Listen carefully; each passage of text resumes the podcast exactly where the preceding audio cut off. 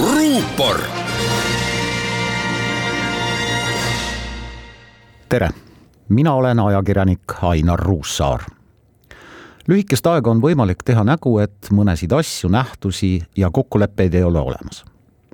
lõpmatuseni ei ole see võimalik Valgevene tänane režiim ja sealne diktaator Aleksandr Lukašenko teab ja teatab juba paljusid aastaid oma rahvale, et demokraatiat pole olemas rahvas muidugi ei usu, aga on sunnitud sellele väitele alluma. kes ei allu, satub arestikambrisse või vangimajja. Lukašenko teab ja teatab juba paljusid aastaid oma rahvale, et vabadus on pelgalt illusioon ja kogu inimese elu peab olema allutatud kindlatele ning raudsetele reeglitele.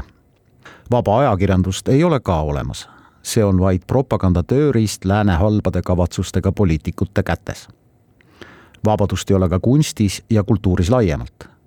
kultuur peab juhtima rahvast õigele, isakest austavale ja talle vastuvaidlematult alluvale rajale.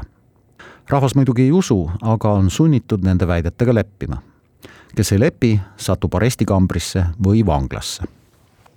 nüüd teatab Lukašenko, et Euroopat ei ole olemas just niimoodi võiks tõlgendada Valgevene režiimi otsust lõpetada osalemine Euroopa Liidu algatustes ja projektides kümme aastat tagasi lõi Eesti eraldi idapartnerluse keskuse eesmärgiga aidata kaasa demokraatia ja lääneliku riigivalitsemise tavadele maades, kus seda teadmist ja oskust napib.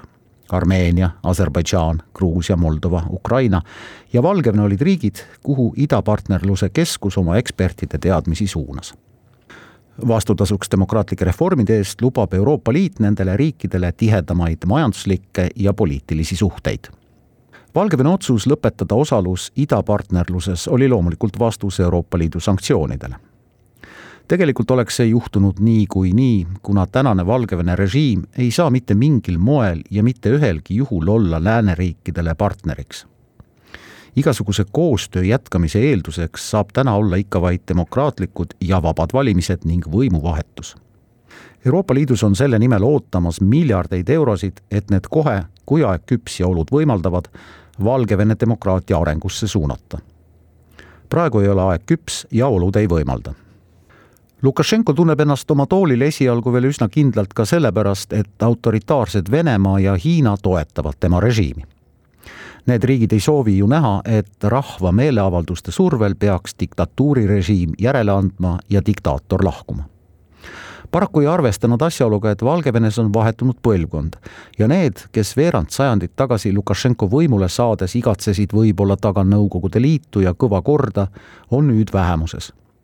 uus põlvkond on näinud normaalset elu ja tahab sellist elu elada ka Valgevenes muidugi on lihtne öelda, et Valgevene saatus on Valgevene inimeste endi kätes. tegelikkus on keerulisem aga seda enam peaks Euroopa Liit ja ka Eesti oma partnerluspoliitikat ajades Valgevenet mitte ainult erinevate sanktsioonide kaudu karistama, vaid seda riiki ka kaudselt aitama.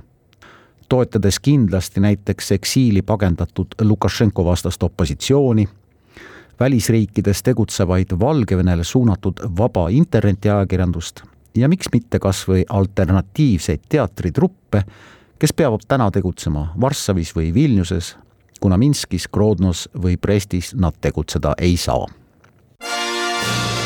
ruupor